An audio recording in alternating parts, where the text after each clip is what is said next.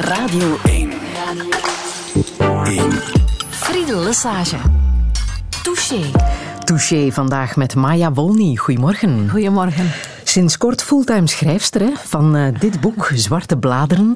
Het eerste boek van jou dat in het Nederlands is vertaald. Toch een beetje spannend? Uh, ja, dat, dat boek heeft mijn hele leven veranderd. Professioneel leven en, en privéleven. Dus het is inderdaad uh, spannend. En daar gaan we het zo meteen uitgebreid over hebben.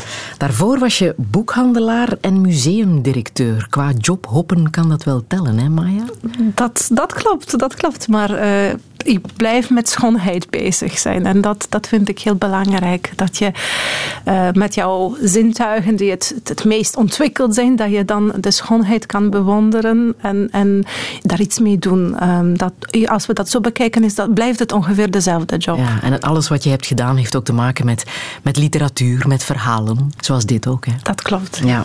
Ervaring met schrijven heb je natuurlijk opgedaan als, als columniste, als journaliste. Want zo ben je begonnen destijds. Ja, mijn eerste job dat was eigenlijk uh, journalistiek en dan non-fictieschrijfster, want ik heb al op mijn 24ste een non-fictieboek geschreven. Uh, mm -hmm. En dat was uh, eigenlijk een groot succes in Polen destijds. Daarna heb ik nog een non-fictieboek geschreven die daar meer te maken had met mijn doctoraat. En dan in 2009 heb ik een eerste uh, roman geschreven. Ja. En zo is de naam van jouw thuisland ook gevallen, Polen. Ja. Terwijl je fantastisch Nederlands spreekt. Dank u. Hoe en waar heb je dat geleerd? Door, door school, uh, door taalschool, door liefde, door, door uh, mensen te ontmoeten. Um, dus dat was echt een levensschool van Nederlands. Ik kan ja. niet zeggen dat ik één bepaald cursus aanbeveel aan alle anderstaligen. Ik raad aan iedereen een soort levenscursus met liefde, passie, vriendschap, daar leer je best de taal, denk ik.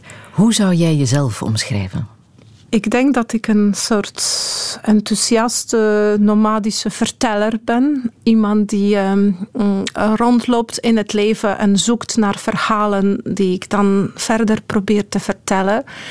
En karakterieel, denk ik, vrije ziel, vrije ziel um, enthousiast um, en soms ja, misschien te veel. En ik kan zo bijna letterlijk crashen. Uh, ik heb zo bijvoorbeeld een rare aandoening dat ik flauw val um, op bepaalde momenten in mijn leven. En ik ben onderzocht, medisch onderzocht, er mankeert niks, uh, alles is in orde. Maar blijkbaar is het een soort uh, resetknop in mijn hersenen die zegt oké, okay, en nu uh, gaan we flauw uh, vallen. Dat is heel bijzonder. Dat zorgt Ik hoop voor... dat dat nu niet gebeurt. Nee. Meestal is dat in uh, moeilijke momenten, zware momenten. Um, ik heb daarmee leren leven en ik had dat zelfs literair bewerken, denk Ah, ik. na laatste uh, situatie dacht ik, ja, dat was net voor de première van Zwarte Bladeren. Ja? Dat, dat uh, ik uh, was van plan om hoge haken aan te doen en een heel mooi kleedje. En ik ben flauw gevallen twee dagen daarvoor en ja, mijn enkel werd verzwikt. Dus van hoge haken was niks van. Niks. Ik heb ze toch aangedaan, maar dat was zeer riskant. dus voor vandaag denk ik niet dat flauwvallen een optie is. Dat kan niet, dat mag niet, maar inderdaad dat gebeurt soms. Dat staat niet op de cover van jouw boek. Wat wel op de cover staat, is um, een citaat van Griet Op de Beek, jouw collega-schrijfster. Maya Wolny is een slimme denker, een grote persoonlijkheid en een goede kijker. Wauw, als dat op de cover van jouw eigen boek staat. Ja, ik vond het geweldig toen ik uh, dat las. Uh, ik weet niet hoe dat in Vlaanderen is, maar in vele landen die ik ken en schrijvers die ik ken, die, die klagen altijd over een soort jaloezie tussen schrijvers. Uh, schrijvers als jalo heel jaloerse wezens, als mensen die echt uh, elkaar zo dingen niet gunnen, uh, klinkt erg. Maar dat is niet maar zo. Dat is, um, misschien is het uh, ergens zo, maar um, door zoiets natuurlijk heb ik ervaren een heel fijne steun en, en vriendschap, dat, dat ja. doet deugd. Maya Wolny, welkom in Touché. Radio 1. 1. Friedel Lesage. Touché. Jeszcze Polska nie zginęła, kiedy my żyjemy. Co nam obca przemoc wzięła, szablą odbierzemy. Marsz, marsz Dąbrowski, z ziemi włoskiej do Polski, za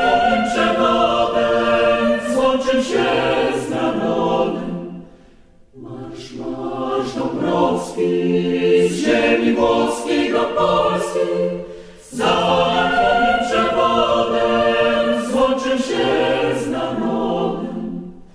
Przejdzie Wisłę, przejdzie Wartę, będzie Polakami. Dał nam przykład Bonaparte, jak zwyciężać mamy. Marsz, marsz Dąbrowski,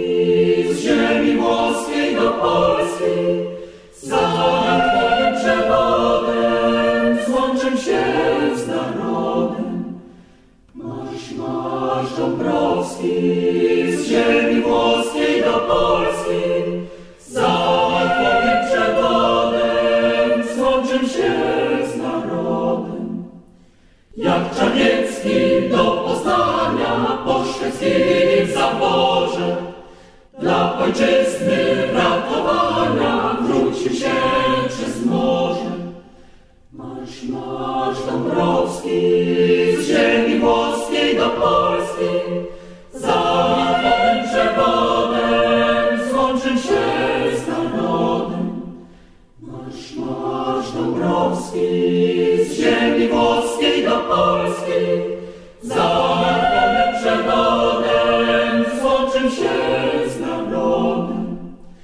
Już tam ojciec do swej Basi mówi zapłakany. Słuchaj jedno, ponoć nasi biją tarabani. Marsz, marsz Dąbrowski, z ziemi włoskiej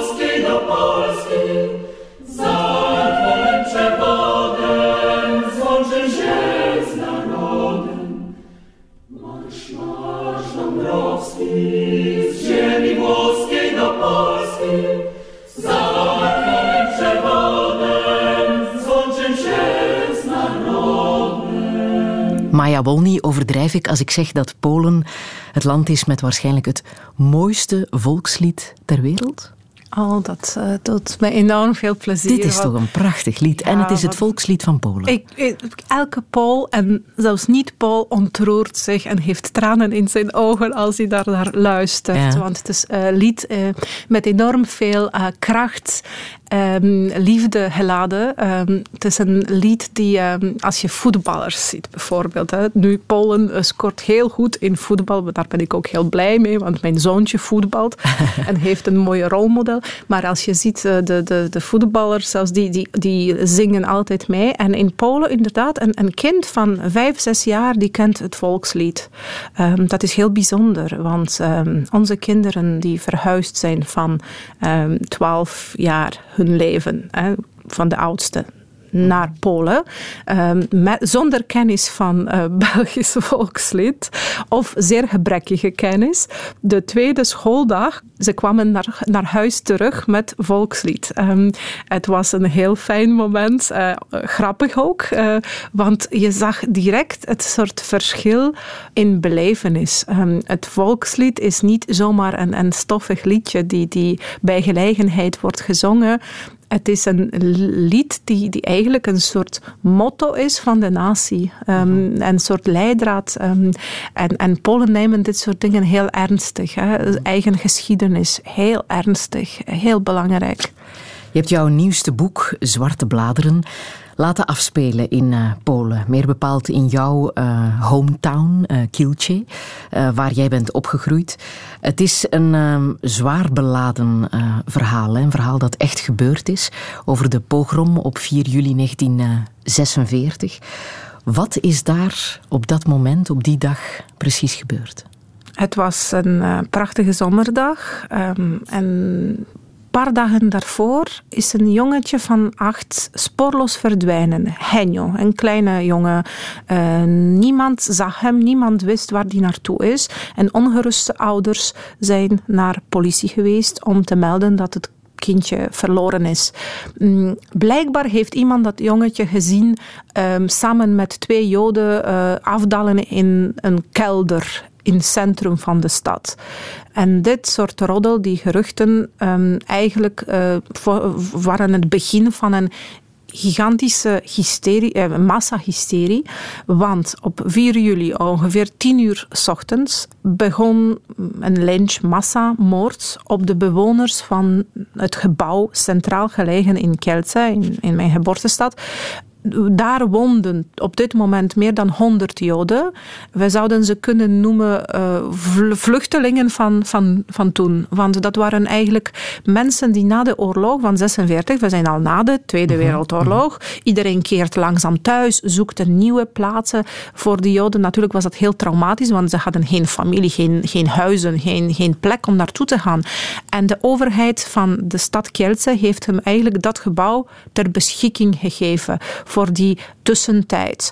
En dan plots komen ze, de arbeiders van de stalfabriek. Uh, ze komen met uh, huisraad, met uh, stukken verwarming, ijzerstukken, zware metalen voorwerpen die ze uit fabriek hebben gehaald. Die bestormen het gebouw. En ze beginnen te moorden. Uh, ze beginnen te, te doden. Um, op een heel brutale mm, manier. Um, het riviertje die daar stroomt, uh, ja, die loopt vol bloed. Um, er worden mensen uit de ramen geduwd van tweede verdieping en uh, gedood. Dus de scènes die toen zich hebben afgespeeld, dat was afschuwelijk.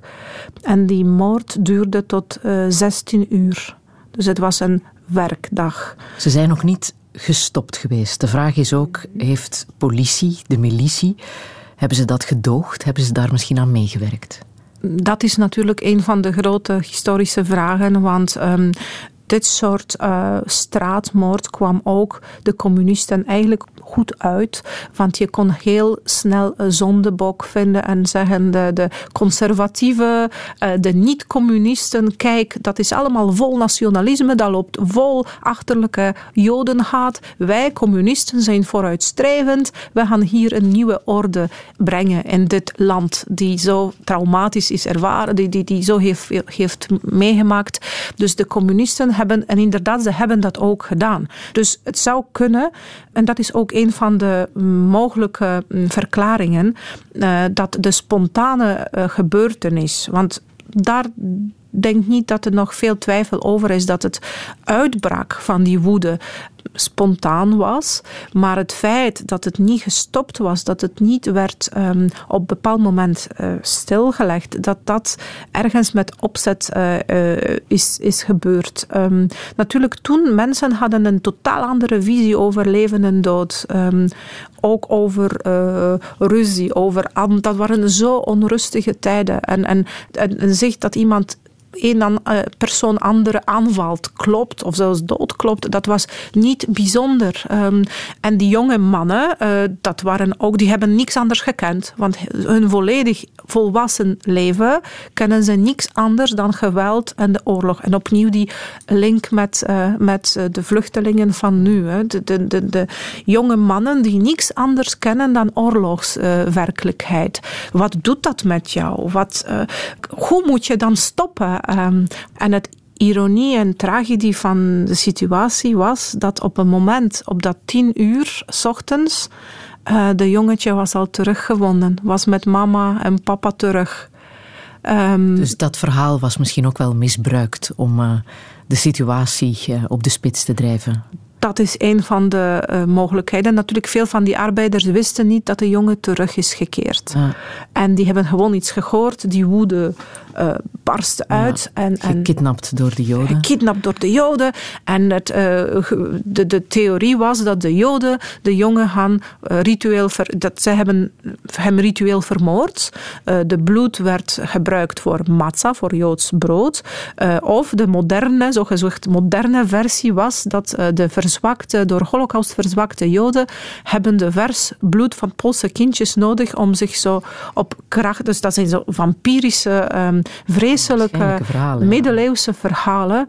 En dat toont ook welke soort um, bewustzijn was er toen um, in de natie die eigenlijk volledig uh, ja, uh, gemarteld werd door uh, vijf jaar oorlog. Jij bent zelf opgegroeid in, in Kielce.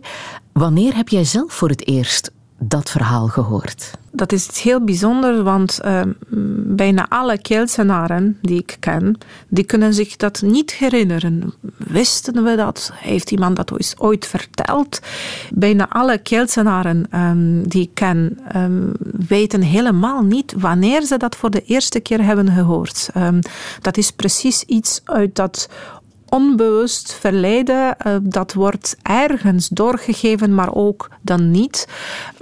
Ik heb dat ook iets van vernomen in mijn jonge tienerjaren, maar heel vaag, heel onduidelijk. En dat, dat werd altijd uh, bestempeld als uh, provocatie. Er was een of andere provocatie, iemand is gestorven, maar ik had geen idee. Ik dacht dat het over twee, drie mensen ging. Ik had nooit het idee over de omvang. En mijn eerste confrontatie met die feiten, dat was uh, toen ik als 19-jarige lifte door Europa.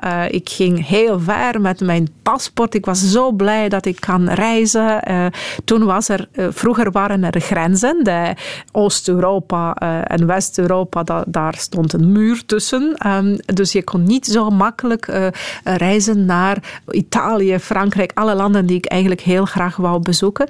Dus ik was daar begin van de zomer met mijn paspoort, ook maand juli. Um, maar ik kon, en, en plots stopte er een hele mooie, fijne, chique auto die ik dacht, oh, die gaat me heel ver brengen en heel snel brengen naar mijn volgende bestemming. En het was een heel aangename uh, chauffeur, een Duitser, uh, heel beleefd. En we spreken dan in het Engels. En hij is heel nieuwsgierig. Waar uh, ga ik naartoe? Wat ga ik doen? En um, hij vraagt mij, waar kom ik vandaan? En ik zeg, ja, die naam van mijn stad zegt u waarschijnlijk niks. Het is een stad tussen Warschau en Krakau, niet zo groot. Maar die blijft zo door. Maar zeg het, want ik ken wat van Polen. Ik zeg, ja, de stad heet Kielce. En dan remt hij plots, um, van dat 180 zijn we plots aan de, aan de rand van de snelweg. En die zegt, uh, get out, uh, begint te roepen tegen mij. En, en, en uh, die zag waarschijnlijk dat, ik, mijn verbazing echt erg ernstig is. En begon uitleg te geven. Die zegt, ja, jouw, jouw voorouders hebben mijn ouders of zo, of, of ik weet niet wie precies, ik herinner me dat niet, vermoord, brutaal vermoord. Uh, ik vond het zo'n waanzin op dat moment. Ik, ik, ik vond het zo onrechtvaardig, want hij zette me daar in the middle of nowhere. Mhm. En dat was soort mijn straf voor dat verleden. Um, toen was ik inderdaad in, in een moeilijke situatie, want zo uh, op een snelweg uh, plots ja. uitgezet worden uit de auto. En die mengeling van schaamte, onrechtvaardigheid en een nood aan verklaring, um, dat heeft mij jaren achtervolgd. Nu heb je dat boek geschreven. Hoe wordt dit verhaal nu ontvangen? Want het is duidelijk dat ze liever dit verhaal onder de mat schuiven. Hè? Dat ze in Polen dit verhaal liever niet uh, kennen. Dat is, dat is heel, heel bijzonder. Uh, inderdaad, het is zo dat um, een grote deel van de lezers, van de, van de bevolking, het echt niet wil horen. Um, mijn uitgever heeft me een soort spoed cursus gegeven omgaan met uh, hate en met uh, internetagressie. Um, die krijg je, haatmails? Uh, ik heb die ja. gekregen. Nu is dat, want het boek in Polen is al één jaar, bijna, uit. bijna ja. één jaar op de markt. dus, maar, maar ik verwacht nu bijvoorbeeld komende weken opnieuw met het, als we 4 juli gaan naderen, dan gaat waarschijnlijk opnieuw wat komen. Um, ik heb wat rare telefoons ontvangen. mijn ouders ook trouwens. Um, familieleden die zeiden dat die um, uh, mij dat enorm kwalijk nemen. Um, op andere, op, op, op, vaak op auteursavonden, op ontmoetingen met lezers, staat zo iemand terecht en, en begint inderdaad zo wat hatelijke dingen te zeggen. Dat is niet fijn. onlangs heb ik nog zoiets meegemaakt dat uh, de moderator, die, die was heel vriendelijk, heel charmant. Uh, en op een bepaald moment zegt hij zoiets, ja, uh, naast die hele fijne boeken die mevrouw Wolne schrijft, heeft ze ook een verschrikkelijk boek geschreven die Poolse natie in een zwart licht uh, zet voor de hele Europa. En dat is schandaal. En ik, ik, ik vond het heel moeilijk, want het is de moderator. Die heeft dit soort toespraak gedaan. Dus dat was, ja, um, je probeert dan natuurlijk uh, wat um, rust brengen in, in zo'n situatie, maar dat is heel moeilijk. Wordt die pogrom van 4 juli herdacht op een of andere manier? Want het is, vorig jaar was het 70 eh, jaar geleden. Hè? Uh, ja, vorig jaar werd het uh, op een mooie manier herdacht. Er is een groep mensen die gelukkig die, die geheugen en die herinneringen goed bewaren. Um, in Kielce zelf, maar er zijn ook heel veel mensen uit, uit de hele wereld, de Joodse diaspora, maar ook Polen, die willen zich blijven herinneren en anderen herinneren wat er gebeurde in, op 4 juli 46. Uh, maar uh, als je dan op zo'n herdenking bent, dan zie je misschien 30, 40 mensen, 50 mensen. En je zit ook aan de andere oever van het rivier de tegenbetoging. Um, en die, ja, hun doel is eigenlijk om, om de, de herdenking in discrediet te brengen. Om te zeggen dat is allemaal een provocatie. Polen is opnieuw slachtoffer geworden van de Sovjets, van communisten. het is allemaal gemanipuleerd geweest. Dus er wordt gesproken dat er minder slachtoffers waren, dat die niet altijd op zo'n gruwelijke manier zijn gestorven. Alle feiten die er zijn, sommige kan je niet ontkrachten, maar sommige, er wordt geprobeerd om, die, om wat, die wat te verzwakken, relativeren. Uh, dat, dat is afschuwelijk. Склянки темного стекла Из-под импортного пива роза красная цвела, Гордо и неторопливо Исторический роман. Сочинял я понемногу, пробиваясь, как в туман. От пролога к эпилогу каждый пишет, что он слышит, каждый слышит, как он дышит. Как он дышит, так и пишет, не стараясь угодить. Так природа захотела, почему не наше дело, для чего не нам судить? Были дали голубым. Было вымысла в избытке и, и собственной судьбы. Я выдергивал по нитке, в путь героев снаряжал, Наводил о прошлом справки и пору поручиком в отставке сам себя воображал. Каждый пишет, что он слышит, каждый слышит, как он дышит. Как он дышит, так и пишет, не стараясь угодить. Так природа захотела Почему не наше дело, для чего не нам судить? Вымысел не есть обман, Замысел еще не точка, Дайте дописать роман До последнего листочка И пока еще жива Роза красная в бутылке, дайте выкрикну слова, что давно лежат в копилке. De Russische kleinkunstenaar Bulat Okujava, die ik zelf mocht leren kennen dankzij dit programma Touché. Het is al een paar keer hier uh, binnengeslopen. Um, hij zingt, ik schrijf een historische roman. Uh, Maya Wolny, ik weet niet hoe goed jouw Russisch is. Очень хорошо, zeer goed. ja. ja, ik, ik heb Russisch nog geleerd op school. Dus ja, ik heb die, ja, twaalf jaar Russisch gehad op school. Dus ja. En Bulat Okujava ken jij ook natuurlijk. Ja, ik ken Bulat Okujava Java. Ik kan zelfs met mijn slecht... Ik ben slecht, zeer slechte gitariste, maar ik kan zelfs nog een liedje of twee spelen. Dat is een heel voor Polen is dat ook een heel belangrijke zanger en, en dichter. Ja, waarom is hij zo bekend? Um, vooral omdat hij, zijn liedjes um, werden als, uh, ja, als strijdliedjes gezien. Um, samen met Vysotsky waren dat zo twee belangrijkste zangers die hun protest, uh, die hun uh, zacht poëtisch maar toch verzet hebben gemanifesteerd, uitgedrukt. En, en daarom werden die natuurlijk geliefd in uh, van vrijheid houdende Polen. En hij zong natuurlijk ook heel veel over dat communistische regime uh, waar jullie mee afgerekend hebben. En waar jij ook in bent opgegroeid, hè? de jaren 70, uh, ja, ik jaren ben 80. geboren in 76. Ja. Um, en dus eigenlijk einde communisme viel samen met mijn adolescentie. Um, dus ik kan zeggen dat als, dat, als je zegt dat kinderjaren het meest vormen zijn voor de mens, dan ben ik een soort communistisch mens, uh, gevormd uh, door het, door het ja. communisme. En wat, uh, welke herinnering is daarvan blijven plakken?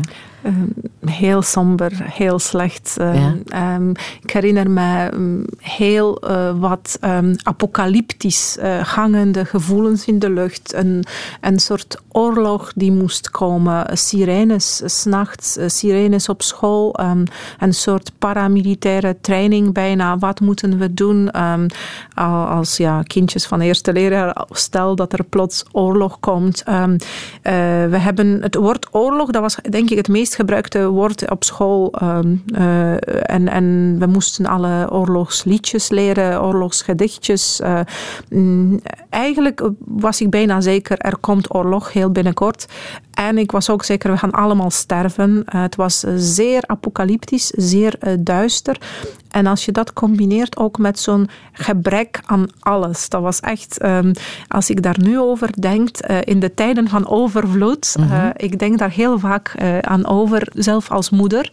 Ik denk, ach, dat, dat overvloed, dat alles hebben, over alles kunnen beschikken, kunnen kopen. Wat doet dat met jou? want ik leefde in een wereld waar je niks had en aan niks zelfs kon dromen, want bijna dro dromen waren verboden. Um, dromen, Alles moest aangeschoven dromen, worden met een, uh, met een bonnetje of met een ja, bonnetje. dromen waren ja. verboden. Um, uh, dus je moest in de lange rijen wachten uh, voor potloden, voor schriftjes, voor alles. Dus kinderen hadden een bijna voltijdsjob, zo blijven staan in de rijen. dat kon lange uren duren. En voedsel, er was voedseltekort, dus je kon niet echt sterven van honger, maar je blijft gewoon de hele tijd dezelfde eten. Dus dat was echt mm. heel, heel miserabel bestaan uh, eigenlijk. Heel deprimerende sfeer ook. Als ik me oud, mijn ouders herinner in die tijd, die waren zo heel somber, heel pessimistisch. Ik denk dat die heel vaak zich hebben afgevraagd, uh, wat is dat nu van het leven? Um, en hoe overleefden zij in die communistische periode in Polen? Mijn ouders hadden wel heel goede maatschappelijke positie, want mijn, oude, mijn vader als ingenieur was gespecialiseerd in Russische machinerie, in het herstellen van Russische machinerie. En omdat die niet van beste kwaliteit was, ging die permanent kapot. Dus mijn vader had superveel werk. werk. En uh, dus dat is de paradox van, van, van de tijd, dat, dat eigenlijk uh, professioneel was die best tevreden. Mijn moeder was lerares, maar um, ja, voor gezin is, zij, is voor, zij heeft voor gezin gekozen en dan heel vroeg gestopt met, met werken. En voor haar was het denk ik heel uh, somber en, en, en moeilijk. Maar tijdens het communisme um, hadden mijn ouders het gevoel, we hebben een auto, we hebben een, een mooi appartement, uh, hoewel die maar 36 vierkante meter telde, maar dat was beschouwd als een heel fijn, chic appartement in een goede plek van de stad. Dus die voelden zich rijk. Um, mm. Op een andere manier dan dat wij nu zouden zeggen, ik ben rijk. Die voelden zich rijk. Uh, en met het einde van communisme, met de vrijheid uh, die ik zo als prachtig iets heb ervaren, want dat ervaarde ik echt. Uh, Jij was toen 13, 13 14, hè, ik, toen het uh, communistisch regime ten val kwam. En ik uh, denk dat dat was een enorme les om hoe belangrijk de vrijheid is. Um, jonge tieners vinden vrijheid heel belangrijk. En, en, en bij mij, behalve die adolescenten nood aan vrijheid, was er ook dat enorme fontein van nieuwe vrijheid die erbij kwam.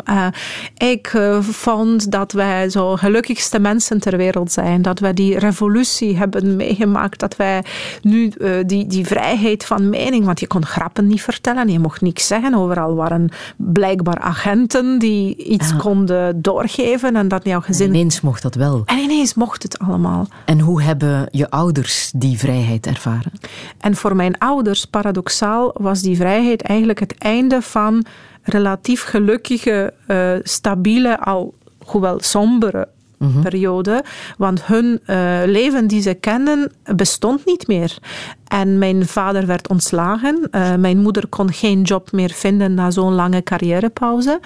Plots hadden wij zo geen, geen geld. Er was van alles te koop, maar we konden dat dus niet bekostigen. En dan plots ervaar je een soort armoede en vernedering. En misschien uh, dat was het ergste, dat, dat vernedering. Dat plots zich buiten dat systeem bevinden. Van welvarende middenklasse naar een soort, ja, hoe zou je dat uh, noemen? Precariërs of uh, de, de, termen van vandaag. Dus mijn ouders hebben een soort ja, verbanning van de koninkrijk ervaren. Van een bepaalde veilige, misschien niet de mooiste, misschien grijze, maar toch hun koninkrijk. Mm.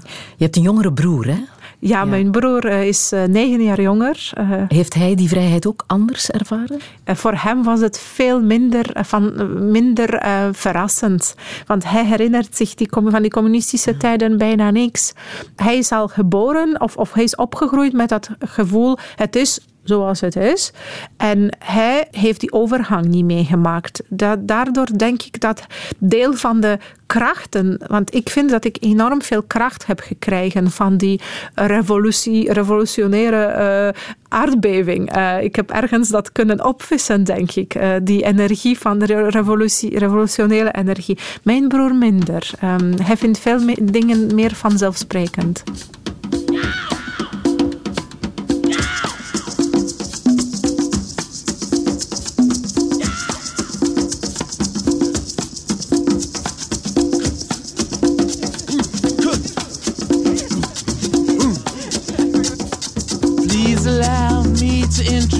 Myself.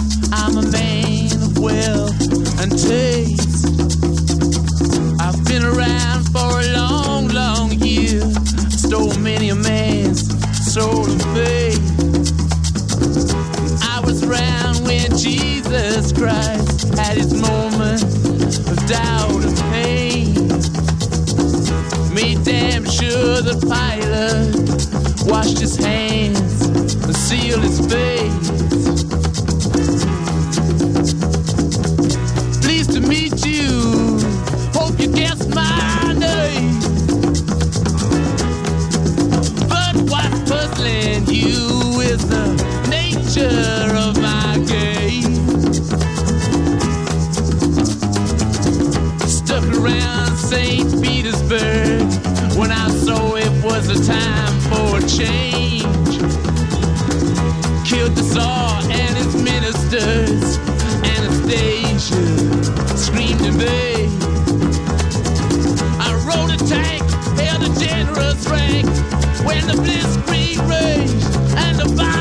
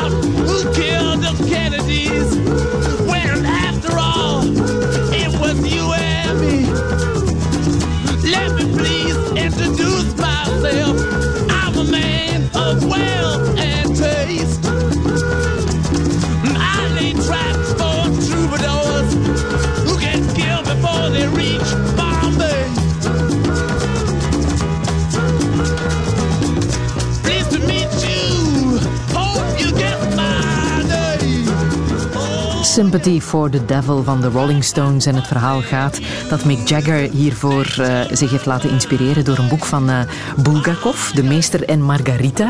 Uh, Maya Wolny, ik denk dat jij weet of dat waar is. ja, dat is waar. En dat vind ik zo prachtverhaal hoe literatuur kan um, iedereen beïnvloeden. Um, en Meester en Margarita, dat is het, het boek die zo goddelijke en duivelse krachten met elkaar verbindt. Dat is een, een, een, een boek waar eigenlijk de, de Satan, de, de duivelse krachten, komen naar Moskou toe. Naar, Mos naar, Moskou van jaren uh, 20. Uh, Moskou die uh, eigenlijk leeft een heel bijzonder uh, leven en, en liefde en die speling van die krachten, die tegenstellige krachten, dat, dat vind ik ongelooflijk uh, in, in het boek. En uh, blijkbaar uh, Mick Jagger vond ook precies die ontmoeting tussen goed bedoelende duivel of Satan en een mens die eigenlijk ook zijn best wil doen. Uh, en van die goede intenties komt soms iets positiefs, maar soms ook niet. En blijkbaar heeft hem dat ook aangezet om dat boek, um, uh, om, om, om Sympathy for the Devil te schrijven. Uh, dus dat, dat vind ik geweldig. Dat ja. zou Bulgakov fantastisch vinden, denk ik. van, waar, van waar jouw liefde voor literatuur? ik denk dat ik um, als klein kindje ergens naartoe wou. Ik wou ontsnappen. En, en de enigste manier hoe kon het toen? Dat was uh, door te duiken in, in de wereld van verhalen. De, de, echte wereld uh, was uh, somber en, en beangstigend. Dat was die oorlog overal en de dood.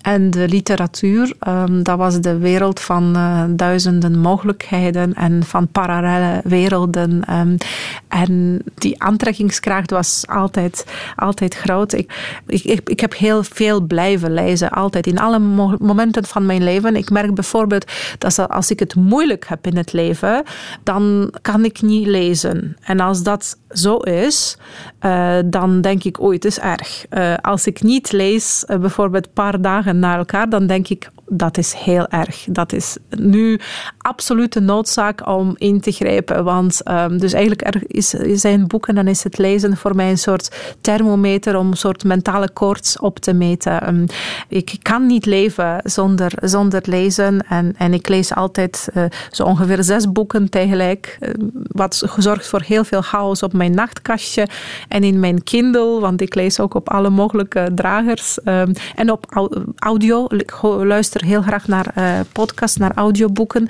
Dus op alle mogelijke manieren blijf ik in contact met, uh, met verhalen. En dus het was ook heel logisch dat je filologie ging studeren, dat je iets met die liefde voor literatuur ging doen. Zo werd je ook chef literatuur bij Politica, een uh, Pools uh, blad.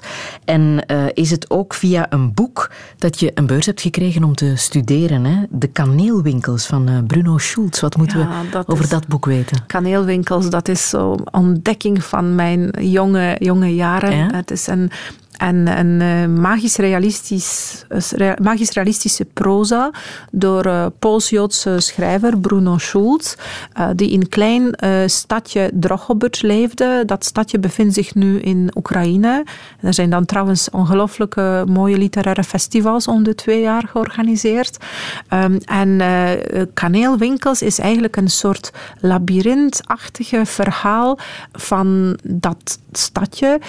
de mensen die daar leven en, uh, en een soort parallele uh, wereld die boven die grijze realiteit zich afspeelt. Um, uh, je moet dat gewoon lezen, je moet het boek beginnen en dan ga je direct zien, dan word je in die labyrint meegesleurd, je kan niet meer uit. Je bent verloren in, in alle betekenissen van het, van het woord. En ik was zo gefascineerd door, door het boek. ik schrijf een essay, inderdaad, in, als tiener. Um, en het werd heel goed eh, beoordeeld. En daardoor heb ik eh, een, een beurs gekregen, want in die tijd in Polen moest je heel zware examens doen. Je kon niet zomaar je inschrijven aan UNIF, zelfs als je heel goede punten had. Daarnaast de punten moest je ook uh, examen doen. Op alle vakken. Niet alleen geneeskunde zoals het in België is. En met mijn beurs, met mijn diploma van die beurs, mocht ik alles kiezen. Ik mocht de stad kiezen, universiteit kiezen en zelfs zelfs de, de faculteit, als het binnen de humanistische vakken blijft. Dus ik kon alles studeren wat ik wou, dankzij Bruno Schulz, die zelf leraar ook was. hij haatte die job, die leraarjob. Dat vond hij zo vermoeiend en triestig. Ehm, maar door zijn, blijkbaar zijn geest en zijn leraar in hem heeft me blijkbaar dit soort cadeau gegeven. Want ik zeg het opzettelijk, want als Poolse, wij geloven enorm in die coexistentie van uh, levenden en doden. Hè. Mhm. Die grens is heel, heel dun voor ons. Bruno Schulz is bij ons misschien helemaal niet zo bekend als schrijver. De meest bekende Poolse schrijver is uh, Richard uh, Kapuczynski, natuurlijk. Hè? Die jij zelfs persoonlijk hebt gekend. Ja, dat is, dat was, maar dat is nog steeds. Hij leeft niet meer, helaas. Maar dat is mijn grote meester. Uh, ik heb hem ontmoet in Politica, in Weekblad Politica, waar ik uh, begonnen was als journalist en later ook uh, chef literatuur werd. En daar was hij de grote, grootste Poolse non-fictieschrijver, maar eigenlijk is hij ook fictieschrijver, want hij, zijn schrijven was altijd tussen die twee. Um, en wat voor man was hij? Um, toen ik heb hem leren kennen, dat was hij al ergens 66, misschien al 70. Dus het was niet meer die knappe Richard eh, van de foto's um, die ik kende. Dat, het was een kalende man met uh, wat vrolijke ogen en prachtige glimlach. Dat heeft hij uh, nog steeds, toen nog, nog steeds gehad ik dacht altijd dat zo iemand die de wereld heeft rondgereisd en alle mogelijke prijzen gewonnen, hij was zelfs kandidaat voor een Nobelprijs, dat zo iemand waarschijnlijk toch geen contact wil houden met een gewone wereld van jonge journalisten, assistenten, secretaressen, dat die ergens leeft in zijn eigen uh, uh, wereld. En niks was minder waar. Het was zo iemand heel warm en, en geïnteresseerd. Ik vond het zo bijzonder dat, dat hij echt op oprecht uh, geïnteresseerd was in wat, wat ik of anderen andere deden. En wat nog meer bijzonder is, is dat de grote Richard Kapuscinski ervoor gezorgd heeft dat jij je grote liefde hebt ontdekt. Dat is inderdaad enorm bijzonder. Hoe is dat zelf, gegaan? Dus zelf, Richard gaat ook een heel turbulente levens, ja. uh, liefdesleven. Een grote liefdesleven. Maar hij hielp ook andermans liefdesleven. Ja, blijkbaar. blijkbaar. wel. Toen wist ik het nog niet. En alle die uh, roddels over zijn uh, liefdesleven waren mij toen nog niet bekend. Maar ik, in het jaar 2000 ging ik naar de boekenbeurs van Frankfurt als journalist, als chef literatuur. Ik moest daarbij zijn. Toen was Polen gastland van de boekenbeurs. Um, voor mij was het allereerste keer in Frankfurt. Uh, ik uh, was overdonderd door die boekfair. Uh, ik vond het ongelooflijk. En ik liep daar een beetje verloren die eerste dag. En gelukkig kwam ik daar een dag vroeger, dus ik had tijd om mij zo wat mijn weg te vinden. En wie kwam daar ook een dag vroeger? een, een knappe Belg van bijna twee meter groot. en, en die zag blijkbaar dat ik verloren uh, uh, in die beursruimte. En die vroeg heel beleefd of hij mij mag en kan helpen. En ik heb uh, ja gezegd. En van dat ja is een andere ja gekomen. En zijn volgende vraag was toen hij wist dat ik een Poolse journaliste ben, zegt, oh, misschien kan je mij helpen, want ik zoek eigenlijk uh, mogelijkheid om Richard Kapuscinski te interviewen, maar hij is onbereikbaar. Um, en ik zeg, oh, dat kan ik perfect regelen voor u. Uh, juist dat kan ik perfect regelen. Ik heb dat geregeld. Interview is verschijnen. Uh, en, want de persoon die ik heb ontmoet was, ontmoet was Mark Peijers.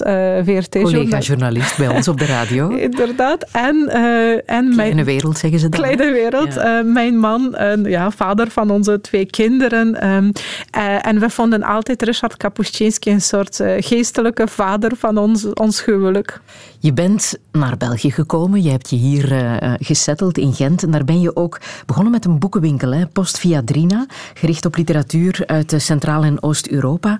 Was daar veel interesse voor in Gent? Het was een heel uh, bijzondere avontuur. Um, ja. Iedereen verklaarde mij gek natuurlijk um, toen ik daarmee begonnen was. Maar ik had zo'n missieroeping. Uh, ik, wou, uh, ik, ik voelde mij altijd zo, weet je, zo eenzaam in dat liefde voor Oost-Europa hier in België. Um, En ik uh, krijg altijd zoveel opmerkingen over uh, Poolse poetsvrouwen, Bulgaarse loodgieters. En, en, en niemand kon één naam noemen van de kunstwereld, van de literatuur, van muziek. Ik voelde die ijzeren gordijn um, sterker dan ooit. Ik dacht, het kan toch niet dat Europa die zich nu gaat verenigen, want het was net in de vooravond van uh, de toetreding van de nieuwe landen tot de Europese Unie. Dat waren zo heel enthousiaste, mooie tijden. En ik zag, ik moet hier iets doen als burger, als, als literatuurliefhebber. Um, ik ga uh, een boekhandel beginnen met een cultuurcentrum, met een soort stichting, met een WZW. En ik zorg dat die uh, culturen wat meer zichtbaarheid krijgen. Zo op mijn eentje. Zo heel uh, Don Quixote-achtig was dat.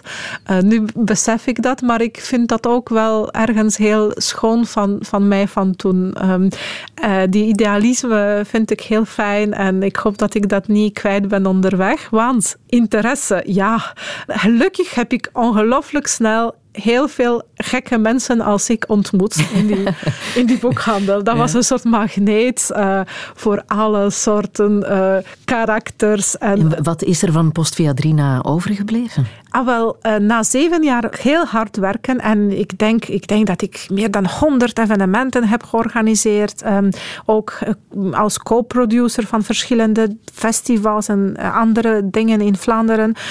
dan heb ik besloten dat mijn missie op op dat, dat dat volbracht is. Ryanair heeft mij geholpen. Er waren plots vliegtuigen naar Oost-Europa. Er kwamen met de toetreding van die landen naar, tot de Europese Unie, kwamen ook instituten, een soort uh, nationaal Pools cultureel instituut, uh, Hongaars cultureel instituut. Dat, er kwamen instellingen die zich dan op een heel gestructureerde basis bezighielden met wat ik als een soort, ja... Zo hoefde jij het niet meer meer allemaal te doen? Niet op mijn eentje en natuurlijk op, op, ook op met veel meer middelen en veel meer mogelijkheden. Toen dacht ik, oké, Oost-Europa is dichterbij gekomen. Ik kan nu stoppen. Missie is volbracht.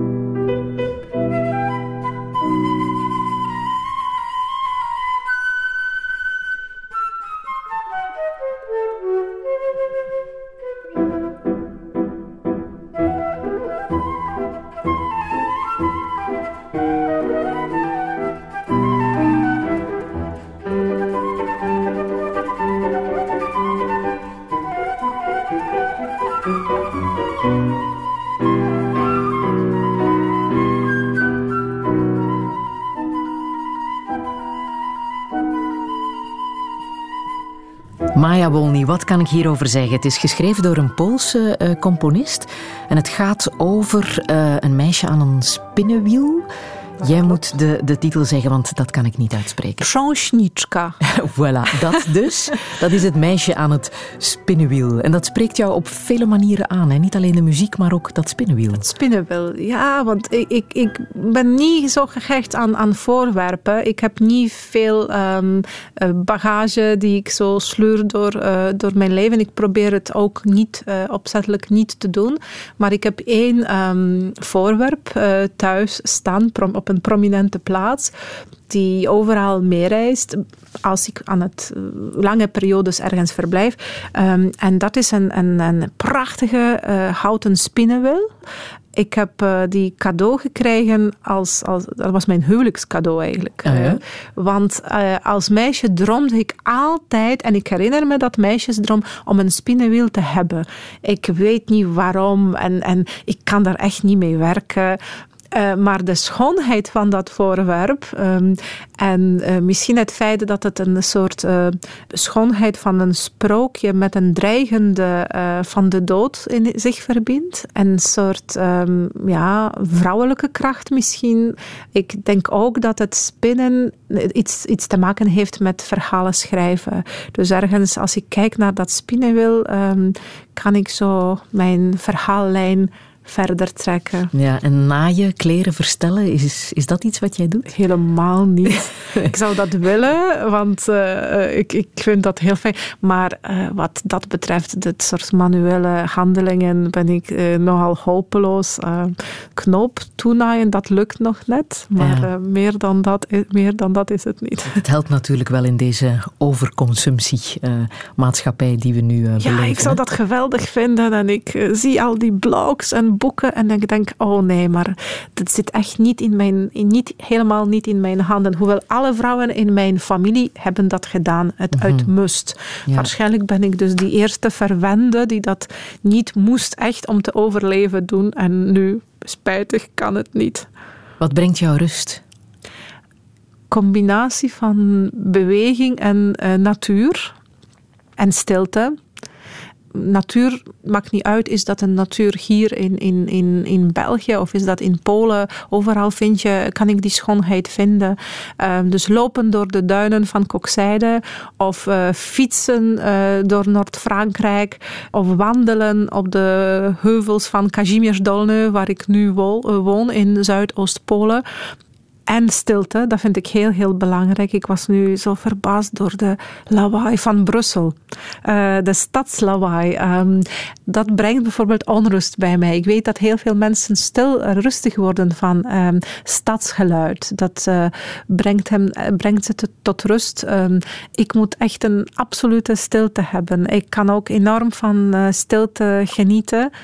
En ik vind dat, dat wij zo als mensen zo weinig stille plekken nog hebben. Mm-hmm. Uh, en de stille plekken verdwijnen, want uh, bijvoorbeeld kerken verdwijnen. Uh, kerken als stille plekken, ongeacht van iemands geloof, waren die kerken daar. En kapelletjes. Um, of stilte van kleine plekjes waar geen muziek wordt gedraaid, geen, geen geluid. Um, of je moet enorm ver reizen om stilte te vinden. Stilte wordt een soort soort, uh, soort uh, luxe.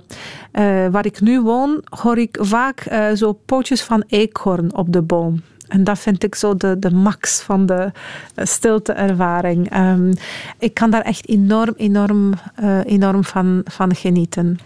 Ik heb nog muziek klaarstaan, de film Ida. Dat is een Poolse film die twee jaar geleden de Oscar voor beste buitenlandse film heeft gewonnen. Waarom heeft die film jou zo geraakt? Ik wist al lang dat de filmmaker Pavel Pawlikowski die film aan het maken is. Want hij is bevriend met een van mijn beste vriendinnen. Dus ik heb zo wat persoonlijke link ook. Dus ik wist dat een, een ongelooflijk belangrijke film, dat we die straks gaan zien. Dat was ook precies dezelfde tijd toen ik me zo verdiepte in de Pools-Joodse geschiedenis. Want Ida vertelt een verhaal van een Poolse non die wordt verteld dat ze een Jodin is. Dus een jodin in een katholiek klooster. En uh, dat is eigenlijk de, de, de, de, mm -hmm. belangrijkste verhaallijn. Bijzonder en, is ook dat in Polen zelf ze daar absoluut niet trots op zijn. Nee, die film. nee, nee. En dat, dat is precies die gevoeligheid, die wordt ergens geraakt. De gevoeligheid van heel gespannen verhalen. Want de, de, de, de Joodse uh, ervaring van de oorlog, traumatisch, vreselijk, botst uh, met dat Poolse ervaring, die ook zo traumatisch en verschrikkelijk was. En heel veel Polen zijn vermoord omdat ze Joden hebben gered. Um, dus er is ergens een soort wederzijdse pijn aan beide kanten. Een pijn die, die heel moeilijk um, kan stilgelegd worden. Um, en een soort botsing van een beeld van een slachtoffer en een, uh, een martelaar. Ik praat nu zo met uh, die archetypen waar ik heel sterk in, in geloof, want ik heb natuurlijk op honderden manieren proberen filosoferen en nadenken waarom zijn Pools-Joodse relaties moeilijk, waarom het uh, wat uh, uh, ja, botsend gaat. Het kan heel goed gaan, maar het kan ook heel heftig zijn. Ehm, het is ook omdat die Poolse en Joodse geschiedenis, die volkeren leefden honderden jaren samen. Dus die waren precies familie. En dan is dat op een heel brutale manier gestopt.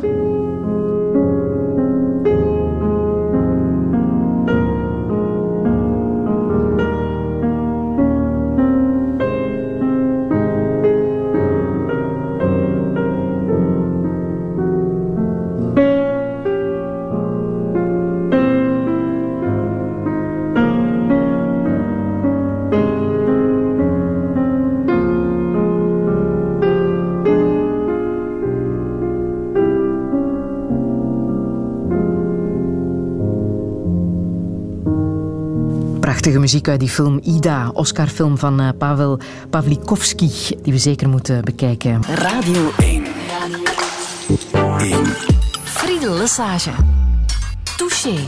Touché met Maya Wolny. Ze begon haar professionele loopbaan als literair journaliste om daarna een boekenwinkel te openen in Gent, om vervolgens directeur te worden van het Visserijmuseum in Kokzijde.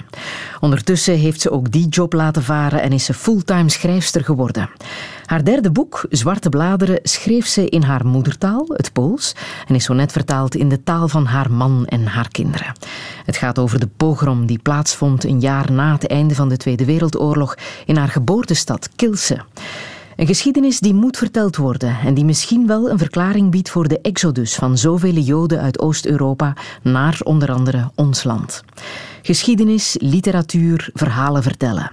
Het zijn dingen die haar bezighouden, maar wat met het imago van Polen? Hoe gaat het daar politiek gezien en wat zijn haar toekomstplannen? Dit is Touché met Maya Wolny.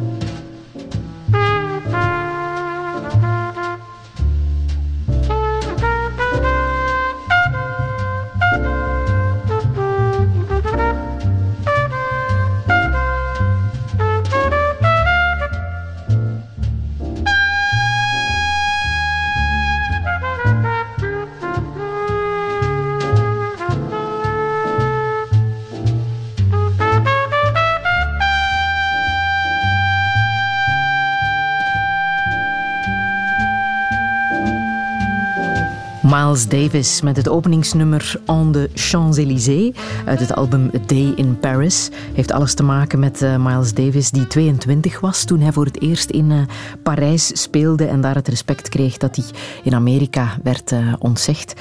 Maya Wolny, deze muziek zegt ook veel over jou. Hè? Het spreekt jou heel ja, hard aan. Hè? ja, ik um, droomde altijd als, als klein kind om zo de, de Parijs te mogen zien, Champs-Élysées te mogen zien, die ik alleen van liedjes kende. Uh, en het was toen onmogelijk.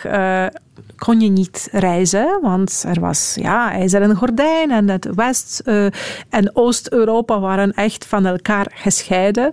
Ik vond het altijd zeer, zeer pijnlijk en onrechtvaardig. En mijn droom was ook om zo, zoals uh, Miles Davis zo te kunnen um, verschijnen ergens uh, op, een, op een plek die ik helemaal niet, niet ken. Um, dus ik heb, dat was altijd zo mijn, mijn droom. Als ik dat liedje hoor, dan denk ik dat ik zo voel dat dat uitbreken, reizen en, en ergens zijn waar je niks van kent, wat je mm-hmm. niet, maar toch um, ben je op jouw plaats. Je bent helemaal niet op jouw plaats, maar toch ergens wel. Nu heb je een dubbele nationaliteit, hè? Uh, ja, dat, uh, dat vind ik geweldig. Ik ben zo trots. Ik hou altijd in mijn portefeuille heb ik die twee identiteitskaarten naast mij, omdat ik dat soort eindelijk uh, hebben alle ambtelijke diensten en alle mogelijke administraties aanvaard dat ik een soort dubbel leven uh, leid en uh, dubbele ziel heb. En die twee plastiekkaartjes zijn daar een soort fysieke uitdrukking van. Ik vermoed dat jij een zeer overtuigd Europeaan bent. Dat kan niet anders. Ja, ik, ben, ik hou van dit continent. Ik hou van, die, van, van Europa en, en ben, ben nu daarom niet het meest gelukkige Europeaan op dit moment moment. Ja, want uh, Polen is op het matje geroepen door Europa. Uh, ze doen het niet zo goed, hè? Dat is zo, uh, zo, zo, zo raar, want eigenlijk nog paar jaar geleden uh, waren Polen en Hongarije, ergens begin jaren 2000 was Hongarije zo een van de beste leerlingen van uh, West-Europa. Um, Hongarije werd altijd als voorbeeld gegeven van transformatie, van efficiëntie um, en Polen ook. Um, Polen nog niet zo lang geleden was, absoluut nummer één van de pro-Europese landen. En eigenlijk is het nog steeds als we het aan de mensen vragen, we het aan, op straat um, aan de burger vragen, dan, dan ik denk dat er geen enkele andere land in Europa is die zo enthousiast is over Europa. Um, maar de politici zijn anders. Die zijn democratisch verkozen door ongeveer 30% van de Polen, maar die hebben nu absolute meerderheid in het parlement door een ingewikkelde, uh, ingewikkeld -hmm. systeem. Dus eigenlijk een, een 30% van uh, stemmen heeft nu meerderheid gegrepen. Uh, en ergens zijn toon, uh, de toon um, speelt die, die, die veel Polen absoluut niet fijn vindt. Ja, het is de conservatieve rechtse partij PiS die nu aan de macht is. Uh, en waar wij ontzettend weinig over horen. Hè. Polen en, en de politiek in Polen is zelden of nooit bij ons in het nieuws. Wat moeten we over die partij weten? Want die heeft wel al wat meegemaakt. Hè? Uh, recht en rechtvaardigheid, dus ja. die, die PiS-afkorting, grappige afkorting in het Nederlands. Um, dat is een partij die eigenlijk um, een twee belangrijke slogans heeft gelanceerd. Die ook heel veel vertellen over de conditie van niet alleen Polen, maar ook Europeanen. En die, die twee slogans, dat is opstaan vanuit de knieling.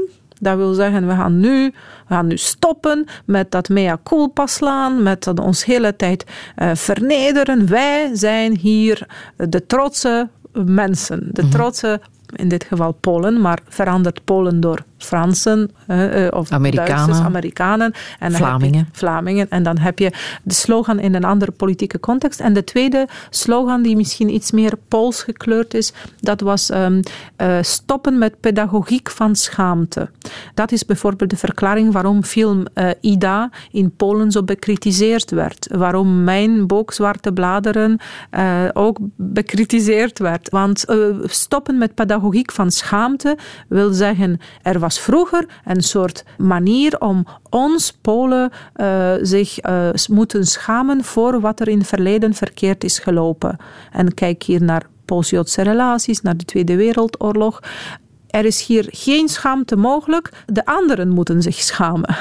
Het is alle twee slogans die eigenlijk de partijen hebben doen winnen, eh, dat is een soort empowerment. Je zegt, oké, kijk, we moeten geen verre voorbeelden zoeken. We zijn zelf ons eigen grote voorbeeld. We zijn zelf een, een volle, uh, volwaardige, trotse natie. En we moeten niet ver gaan zoeken. We moeten niet aankloppen bij de deuren van Brussel, bij de deuren van andere landen. We moeten, ze gaan ons niet te veel leren. We weten al te goed wat we moeten doen om het goed te doen. Zeven jaar geleden um, is er een vliegtuigramp geweest waar zowat de hele regering bij is omgekomen. Hè. Dat is bij ons wel in het nieuws geweest.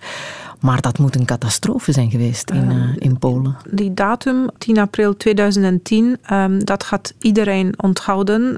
Dat is een datum van uh, ja, nationale rouw, datum van een trauma. Er waren en oppositieleiders en prominente van toen politieke figuren uh, gestorven. Uh, vliegtuigramp heeft plaatsgevonden in Smolensk, wat heel gevoelig ligt, want het is heel dichtbij van Katyn. En dat zijn plaatsen waar uh, duizenden van Poolse soldaten door Stalin-troepen gedood zijn en begraven. En dat werd jarenlang gehouden als een soort nazi-misdaad. Dus dat, dat Hitler dat heeft uh, gedaan. Dat werd zo verklaard, zo uitgelegd, terwijl het absoluut niet waar was. Dat waren, dat waren eigenlijk de communisten uh, die de Polen hebben vermoord. En dat, wa dat waren intellectuelen van Polen van toen, de officiers.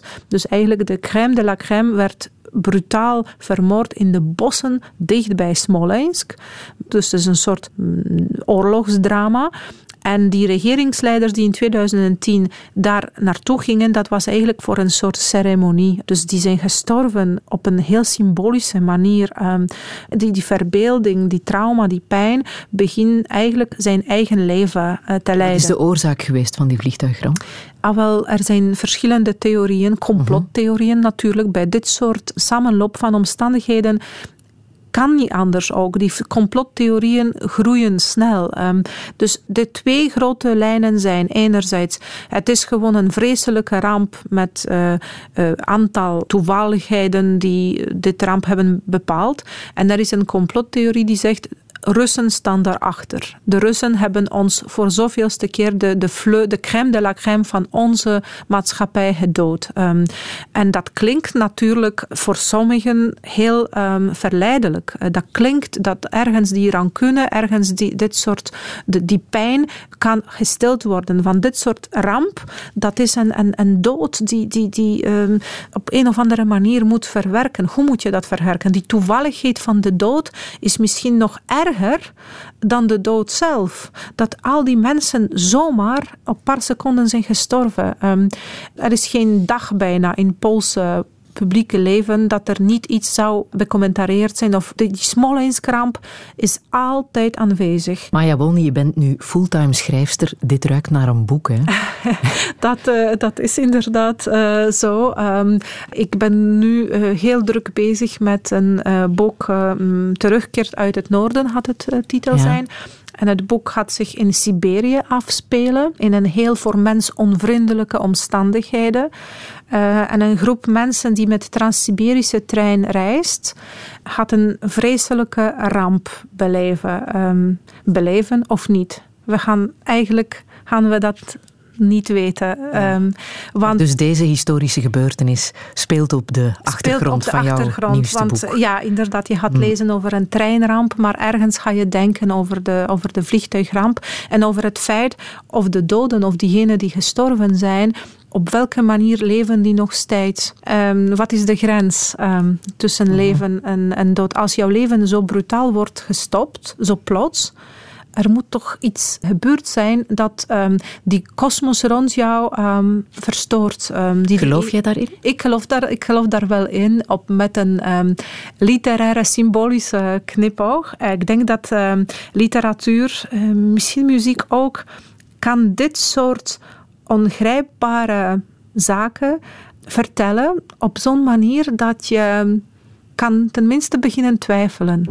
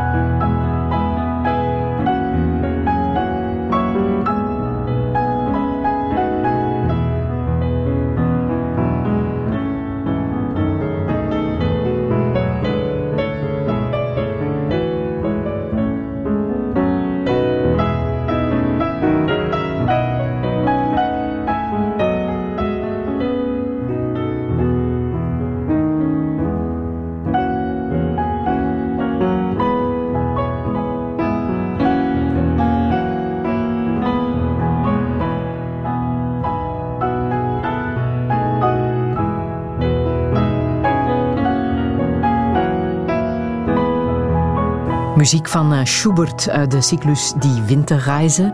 Maya Wolny, je wou dit absoluut laten horen. Hè? Waaraan doet jou dit denken? Ja, uh, dat is muziek die uh, werd gekozen voor de vernissage van Mirosław Bałka, de Poolse kunstenaar, die een cyclus heeft gemaakt rond Auschwitz.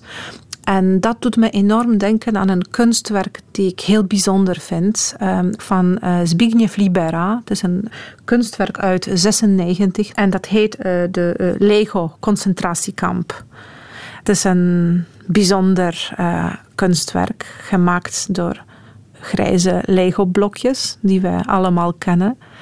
En de kleine figuurtjes uitgelijnd uit de set Pirates of the Caribbean. Die luisteraars, die kinderen hebben, die herkennen dat zeker. Die kleine piraatjes uit Lego. Die spelen um, in dat kunstwerk eigenlijk, de, de, dat zijn de wandelende geraamtes uh, uit de concentratiekamp. En die miniatuur concentratiekamp is eigenlijk bijna identiek als wat we in Auschwitz, Auschwitz uh, zien. Um, en die, die speelse en planmatige um, daarin. Dat raakt mij enorm. Um, het idee al um, van uh, een, een miniatuur concentratiekamp te bouwen. Mhm. Want je moest op een idee komen om te bouwen, om te beginnen met een kleine elementen, met een kleine bouwstenen. En je moest ergens een soort tekening hebben, een instructie hebben. En die instructie ook bedenken, net zoals de Lego-makers. Je bent er ook van overtuigd dat er een genetische evolutie is hè, bij de mens als gevolg van uh, de Holocaust. Hoe uh, zie jij dat precies? Ah, wel, ik heb het altijd zo gevoeld intuïtief door, door mijn lectuur, door mijn schrijven, um, dat mensen die de oorlog hebben meegemaakt, de, de gruwel van de oorlog, um, die zijn het betekent. niet enkel en alleen uh, in hun herinneringen, in dat niet-materiële deel van ons, maar dat die toch um, de sporen nalaat ergens in ons lichaam. Um, ja, ik heb in mijn familie uh, mensen die, die aan vreemde ziektes zijn gestorven. Ik ben zeker dat, dat die ziektes zich hebben ontwikkeld door gewone fysieke consequenties aan, aan folteren, aan, aan, aan alles wat er tijdens de oorlog is gebeurd. En dan, toen ik echt enorm bezig was met dat denkproces over de fysieke consequenties van trauma, um, kwam er een onderzoek, een heel professionele onderzoek over de analyse van, uh, van van de uh, holocaust, holocaust nakomelingen van de mensen die holocaust hebben overleefd. Dus dat is een Amerikaans onderzoek. Uiteraard, uh, ik kan die niet wetenschappelijk beoordelen, dat, is, dat, dat heb ik geen expertise uh, voor. Maar um, wat ik heb wel gelezen is dat inderdaad er zijn veranderingen op niveau van genen zichtbaar. Dus dat, dat is iets dat, dat, uh, dat kunstenaars al heel lang weten, heel lang gevoeld hebben. En nu wetenschap toont dat, dat zelfs op dat meest primaire um, die codes die in ons zitten, dat die worden veranderd door de gruwel die in het verleden gebeurd is. Mhm. En dat, dat, dat vind ik, ik krijg daar zelf kippenwel van. Ik, ik, want dat betekent dat wij andere soort mens zijn. Dat wij ergens veranderd wij zijn. Wij zijn een soort cyborgs van de trauma, als je dat wil uh, heel uh, brutaal uitdrukken. En dat, uh, dat, dat, vind, ik, dat vind ik gewoon um, heel, uh, heel frappant. Een vrouw die zowat iedereen is kwijtgespeeld in eh, de Holocaust is eh, de fotograaf die een hoofdrol speelt in jouw boek Zwarte Bladeren. Julia Pirot draagt een Belgische naam, maar is van Poolse oorsprong. Ze verloor haar ouders in de concentratiekampen. Haar zus werd vermoord, haar beste vriendin ook. Ze staat uh, met een prachtige foto op de cover van jouw boek met een fototoestel. Zij was fotograaf, een heel bijzondere fotograaf die we veel te weinig kennen. Hoe heb jij haar werk en, en haar levensverhaal uh, leren kennen? Dat is een heel bijzonder verhaal, want uh, ik heb toevallig ontdekt dat het Fotografiemuseum van Charleroi heel veel foto's heeft van mijn geboortestad, Kielce. Ik dacht, dat kan toch niet? Waar, waarom zou het Fotomuseum van Charleroi uh, in fotografie verzamelen en in, een grote hoeveelheid. Wat is dat? Wie, van wie zijn die foto's? En toen ben ik te weten gekomen dat dat van een zekere Julia of Julia Pirot is. Dan ben ik begonnen zoeken en dus via mijn museale toen contacten, want ik was directrice van het museum, ben ik dan in contact gekomen met Charleroi en ik heb ontdekt dat die foto's van Kielce, ik dacht dat dat misschien zo wat architectuur was, landschapfoto's, dat dat helemaal dat niet is, maar dat dat foto's zijn van de pogrom van 4 juli 46 foto's van de slachtoffers van de massamoord op Joden in mijn mhm. geboortestad. Waar jouw boek ook over gaat en waar we het zo net al over hadden. Over waar dat mijn boek over uh, uh, zou hebben. Uh, ik, die ontdekking. En, en toen dacht ik, wie is die fotograaf? Wie, wie is die vrouw? En dan blijkt dat die Julia, dat dat een Pools-Joodse vrouw was. geboren in een klein stadje Konskovola. Die zich eigenlijk een paar kilometer vandaan bevindt waar ik nu woon. dus dat is allemaal zo toevallig uh, en uh, Julia is dus met een Belg getrouwd, net zoals ik. Als je zo over de, de toevalligheden spreekt. Dat was wel een schijnhuwelijk. Dat, haar maar dit geheel haar, terzijde. Ja, haar huwelijk was schijnhuwelijk. Dat verhaal moet je maar lezen in het boek. Ja. Haar, maar het bijzondere is inderdaad wel dat hij zeer straffe foto's heeft genomen. Hè, waar nu ja, als bewijs kan, kan gediend worden voor ja, want, want toen, vrouwen waren geen fotografen toen. Dat was een mannenjob. Mm en uh, zij, uh, op, uh, zij, ze ging hier in Brussel. Ze werkte in een metaalfabriek. Ze was communiste. Ze, ze moest zich ja, ergens een job vinden. Ze had hier wat steun van via communistische netwerk in Brussel. En ze werkte in een metaalfabriek. En dan had ze haar avondcursussen fotografie. Dus ze studeert fotografie hier in Brussel. We praten over jaren 30, 20e eeuw. En dan op een dag krijgt ze een bijzondere cadeau. Een fototoestel, een Leica, een profession, meest professionele fototoestel die je toen in Europa kon krijgen. En dat cadeau kreeg die arme Poolse uh, vrouw uh, van niemand anders dan Suzanne Spaak, de schoonzus van Paul-Henri Spaak. Mm -hmm. Dus we hebben hier het ontstaan van Europa en ontstaan van fotografen en een vriendschap tussen twee vrouwen uit andere um, sociale klassen, totaal aan twee andere werelden. En die cadeau was eigenlijk een missie, een opdracht. Dat was niet zomaar gegeven um, als doosje pralinen. Dat was, de bedoeling was, doe daar iets mee. Um, dat heeft ze ook gedaan. Hè? En dat heeft ze ook gedaan. Ja, dat hele verhaal staat te lezen in uh, Zwarte Bladeren.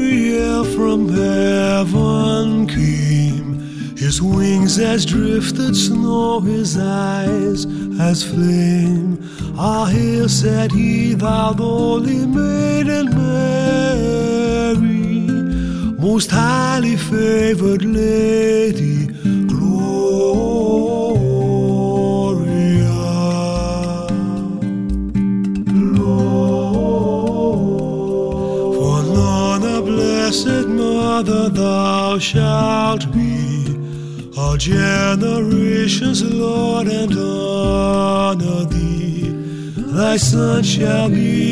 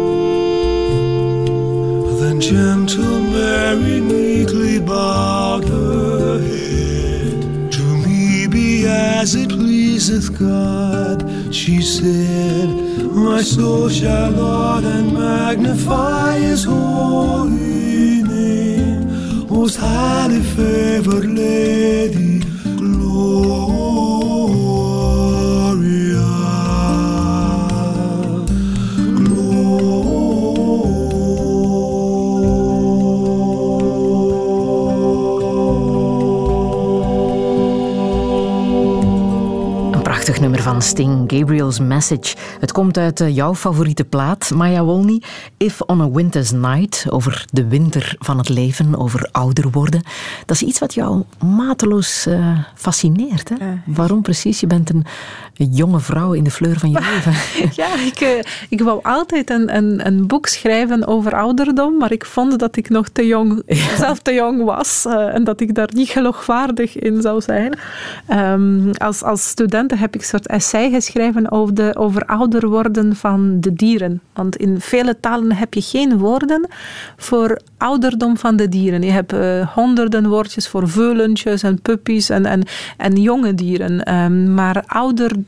worden bij de dieren wordt precies niet erkend als waardeloos beschouwd. In vele talen vind je mhm. geen woorden daarvoor. Over mens gesproken, dat wel. Ouder worden bij de mensen, daar hebben we een taal voor. Uh, maar misschien niet noodzakelijk een, een concept. Um, hoe moet je eigenlijk oud worden? Um, vind je dat we daar te weinig mee bezig zijn? dat ouderen niet echt een plaats hebben in deze maatschappij? Ik, ik, vind dat heel uh, bijzonder, omdat het, het is een soort bijna een zekerheid voor iedereen. Als je niet vroeg sterft, dan, dan word je oud. Dus, dus iets van wat je te wachten staat. En toch, um, we houden ons daar niet mee bezig. Behalve op niveau van pensioenen of op een soort administratief slash eh, bureaucratische manier. Maar uh, als mensen houden we ons daar heel weinig mee bezig. Um, en op welke manier zou jij ouderen echt een functie en een plaats in uh, onze maatschappij willen geven? Wat ik doe, uh, ik heb een boek geschreven, De, de Boekenmoordenaar, over een oud wordende boekhandelaar. Ik heb daar heel veel ervaringen van mijn boekhandel kunnen stoppen. Een, een eenzame, ouder, oud wordende boekhandelaar die door het raam van zijn boekhandel de wereld ziet veranderen. En, en als soort voyeur het leven van andere mensen uh, bespioneert. Maar dan wordt hij ook gezien door die spiegel, van, uh, door die raam van zijn boekhandel. Dus ik, dat is mijn uh, recent verschenen mhm. boek. En voor dat roman heb ik een soort, ja, ik heb me zo ingebeeld dat er een groep oude mensen, echt oude mensen, begint samenwonen, samenleven. Als friends, maar dan friends, weet je, 60 jaar later of 50 jaar later. En ik heb me daar zo uh, alles proberen inbeelden. Hoe zou het zijn mocht het soort gemeenschapsleven opnieuw um, bestaan, massaal bestaan. Want er zijn mensen die dat waarschijnlijk doen, maar je hoort dat niet vaak over. Meestal zie je en hoor je de, de eenzame oude mensen. Uh, en blijkbaar is dat, want ik heb heel veel, met heel veel oude mensen gepraat voor mijn boek, uh, heel veel geïnterviewd. Ze zijn meestal niet bang van pijn, van, van ziektes. Nee, nee, nee, dat allemaal niet. Uh, ze zijn vooral bang van eenzaamheid. En die angst is zodanig groot. Uh, soms vond ik het moeilijk om te begrijpen, want ik hou zo enorm van eenzaamheid. Maar ik ben in een andere fase van mijn leven natuurlijk. Mm. En, uh, en soms droom ik daar zo om wat eenzaam te mogen zijn. Maar ik ben niet eenzaam, want ik heb die kinderen en ik heb mijn alle verplichtingen. En eenzaamheid lijkt me een soort luxe een soort, uh, oh, zo zalig zou het zijn om zo die eenzaamheid te mogen ervaren. Maar natuurlijk, het is een andere vorm van eenzaamheid. Want die eenzaamheid die de ouderen beschrijven, is een soort eeuwige eenzaamheid. Is een soort uh, letterlijk uitsterven, uitdoven helemaal in jouw eentje. Als ik aan die ouder, laatste voorbije maanden dacht ik daar enorm veel aan. En ik denk dat ik vooral denk aan dat gemeenschap-idee. Dat uh, de prijs uh, te betalen voor onze individualistische uh, maatschappij is dat we moeten die eenzaamheid aanvaarden, maar evolutioneel zijn we daar nog niet aan toe. Um, wij zijn een soort uh, uh, gezelschapsdier, uh, groepsdier, um, die heel graag dat wil hebben. dus het hele debat over pensioenen, hier zag ik ook in VRT-gebouwen toen ik binnenkwam, grote affiches over um, pensioenhervorming en heel kritisch. daar denk ik dat dat discours over het financiële mm, heeft hier eigenlijk eigenlijk veel minder te maken met dat echte kwaliteit van jouw leven. Want of je 5000 euro hebt of je 1000 euro hebt, ehm, als je echt heel, heel eenzaam bent, dat, dat maakt het eigenlijk niet uit. En, en ik denk dat er heel veel energie gaat naar regelingen die, die um, eigenlijk minder belangrijk zijn. Ehm, maar omdat die uh, discours wordt gevoerd door mensen in de fleur van hun leven, die, dat heel, die andere prioriteiten mhm. hebben, uh, lijkt het alsof wij als maatschappij helemaal niet voorbereid zijn op dat zilvergrijs Europa die ons te, te wachten staat.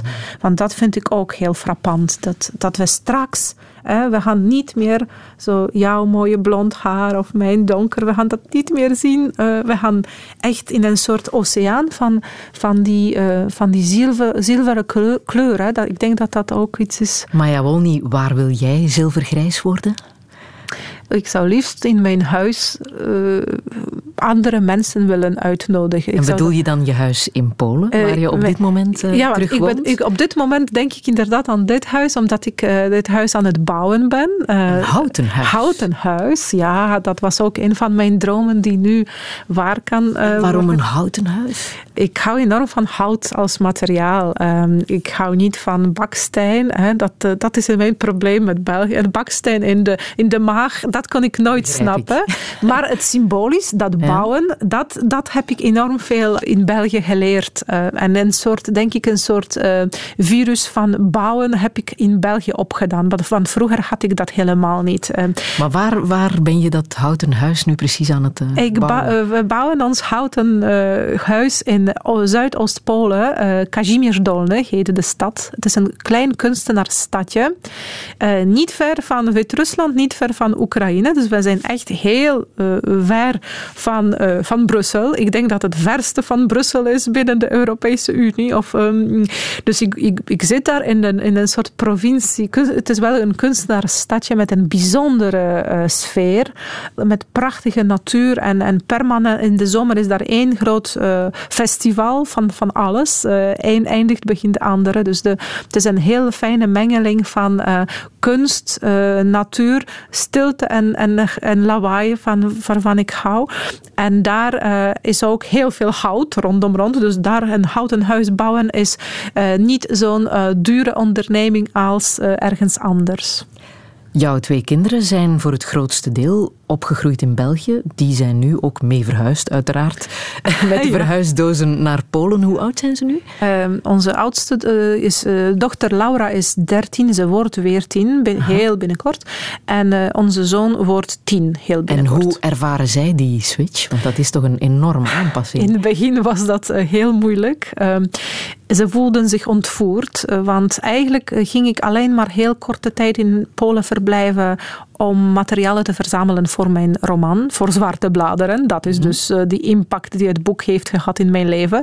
We gingen een paar maanden gewoon uh, op Belgische school brossen, Belgische boeken meenemen, studeren thuis, ondertussen naar Poolse school en na vier, vijf maanden gingen we terugkeren. Dat werd allemaal uh, prachtig geregeld. Iedereen hielp daar ook enorm mee. Ik vond het fantastisch dat dat allemaal kan, want ik hou van zo'n nomadisch uh, reizen en zich verplaatsen. En ik heb met dat idee uh, mijn kinderen enthousiast gemaakt voor die stap. Dus dat vonden ze oké okay en fijn. Maar op het einde van ons uh, tijd, zogezegd tijdelijk verblijf, ik kon echt niet terugkeren. Dat was absoluut onmogelijk voor mij. Ik, ik, ik was net begonnen om, zo, om te, te herleven eigenlijk. En, en ik zeg nee, ik kan absoluut niet terugkeren. En dan hebben we dat, idee, dat constructie bedacht dat uh, mijn man gaat pendelen, gaat werken, uh, twee weken werken en twee weken wonen met ons in Polen. En wij met kinderen permanent, quasi permanent in Polen, met korte, uh, ja, één weekend per maand zijn we ongeveer in België en in de vakanties ook altijd. En dat was een heel groot verzet. Uh, dus uh, niet spreken tegen ons, de kinderen, zich verzetten, heel boos zijn. Echt, ja. En ja. dat, gelukkig heeft dat heel kort geduurd. Ik was daar heel bang van. maar dat, dat verzet heeft heel kort geduurd, want ik denk dat de kinderen dat enorm positief ook hebben ervaren. Want ze worden zo op handen gedragen door die Poolse vrienden. Ze spreken heel veel talen. Ze hebben een soort voorsprong uh, van dat multiculturele. Um, ze kunnen uh, conflicten oplossen veel beter dan de anderen. Want ze kunnen altijd, ze, ze hebben dat uh, impuls om dingen te bekijken ook van de andere kant. En dat is zodanig grote verrijking um, als ik het zo observeer, um, dat ze dat ook zelf hebben gezien. Ze hebben dat gecalculeerd als winst, denk ik. En, en ondertussen heel veel vrienden, uh, ook in Polen, en uh, fantastische leerkracht. Um, dus het, het, gaat, het gaat heel goed.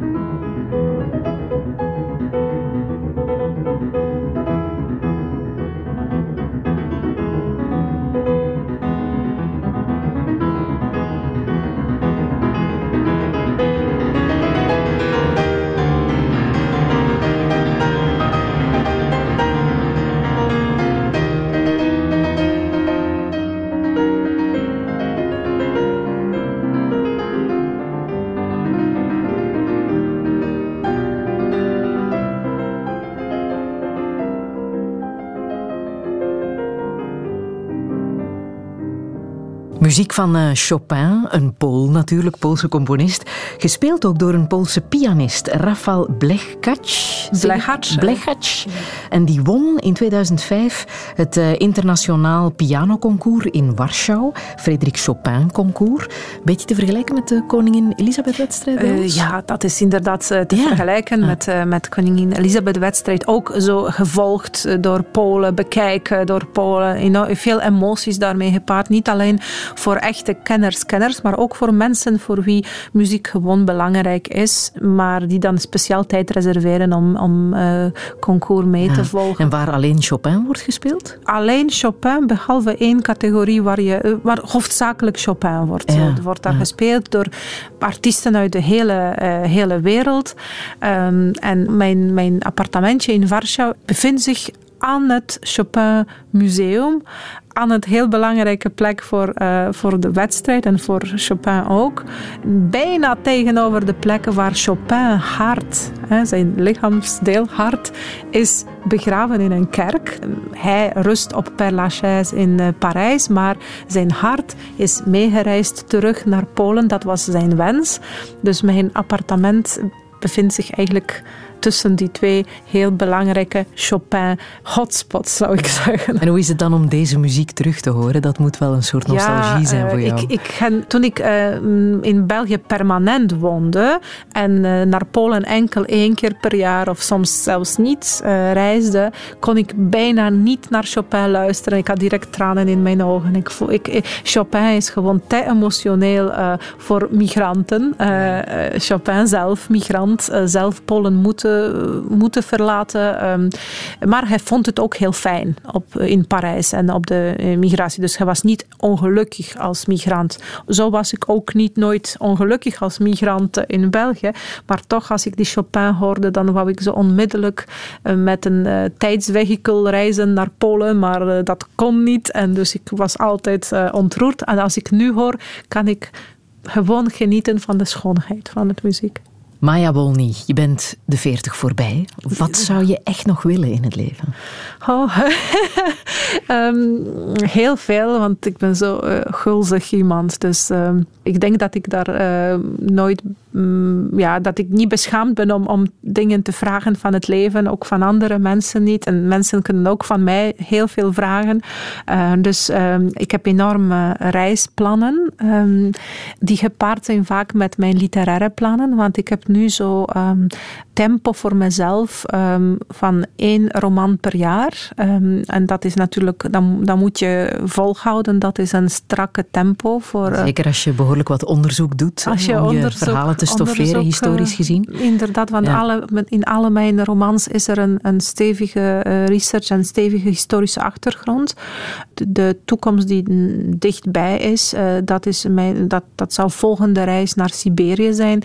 Helemaal in mijn eentje met een klein rugzakje uh, maar, uh, met Trans-Siberische trein. En dan op een bepaald moment ga ik uitstappen en dan ga ik inderdaad die wildernis in. En dus dat is nogal, dat gaat heel spannend zijn. Daar kan ik bijna niet, niet wachten. Dus ik wil uiteraard gelukkig terugkeren. Niet zoals de personages van mijn roman.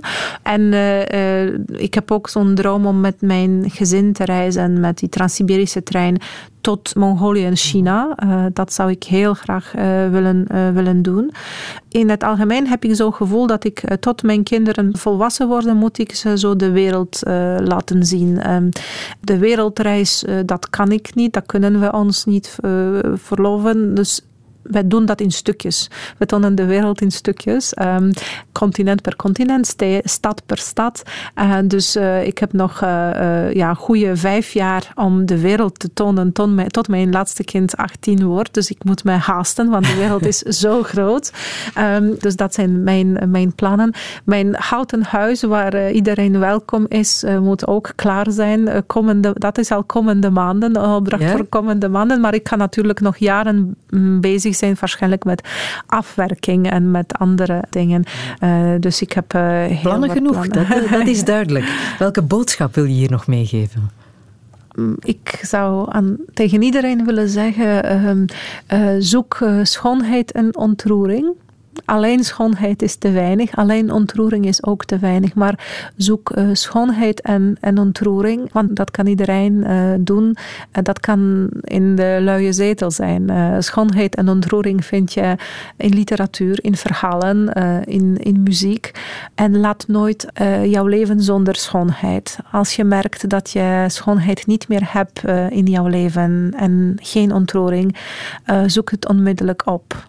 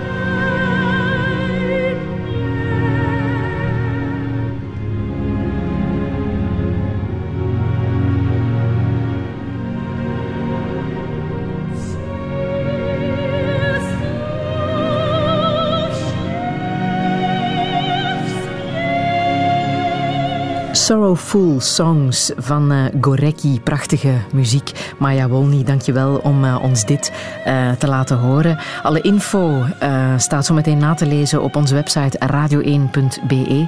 En volgende zondag ontvang ik hier Blerich Lezi. Dankjewel voor jouw boek ook, Zwarte Bladeren. Maya Wolny, dankjewel. Herbeluister Touché via de podcast Radio Plus en radio1.be. Radio 1. Altijd benieuwd.